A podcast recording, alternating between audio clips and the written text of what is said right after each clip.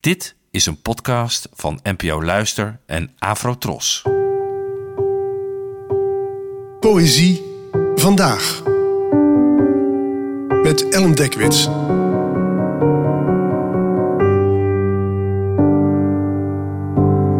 Hallo, fijn dat je luistert. Het gedicht van vandaag werd geschreven door de Noorse dichter Rolf Jacobsen, geboren in 1907 en gestorven in 1994. Het werd vertaald door Lieke Versteeg. Vlak achter je voet. Vlak achter je voet is de stilte het grootst en ligt er een onbekende tederheid, anders dan alles. Anders dan alles wat je kunt horen, kunt zien. Het zingen naar je schoen, het licht naar je handen. Vlak achter je schouder, dichterbij dan je denkt, een vrede die je zelf niet kent, waar de wereld zwijgt. Een diep en kort moment, als na een stille belofte uit een gesloten mond.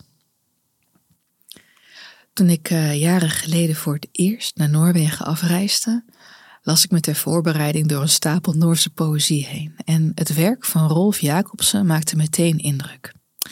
Uit zijn gedichten spreekt een enorm mededogen met de natuur, maar soms ook met techniek. Zo is er een vers waarin hij de arme graafmachines die een bos moeten ontmantelen beweent. Want zij zijn, net als de natuur, ook slechts een pion in de vernietigingsdrift van de mens. Het gedicht dat je zo even hoorde, gebruik ik altijd als mijn out of office reply wanneer ik zelf op reis ben. Het herinnert me eraan dat hetgeen we zoeken, de rust waar we in drukke tijden soms zo naar kunnen snakken, soms ook gewoon vlakbij is.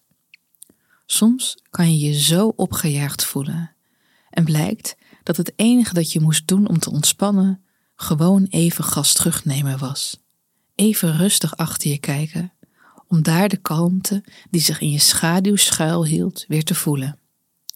Wat een ideeënrijkdom in een klein vers als dit. Dat stilte niet altijd een naderende storm hoeft te betreffen, maar soms ook gewoon kan duiden op tederheid. Bedankt voor het luisteren en tot de volgende keer. Afro Tros, de omroep voor ons.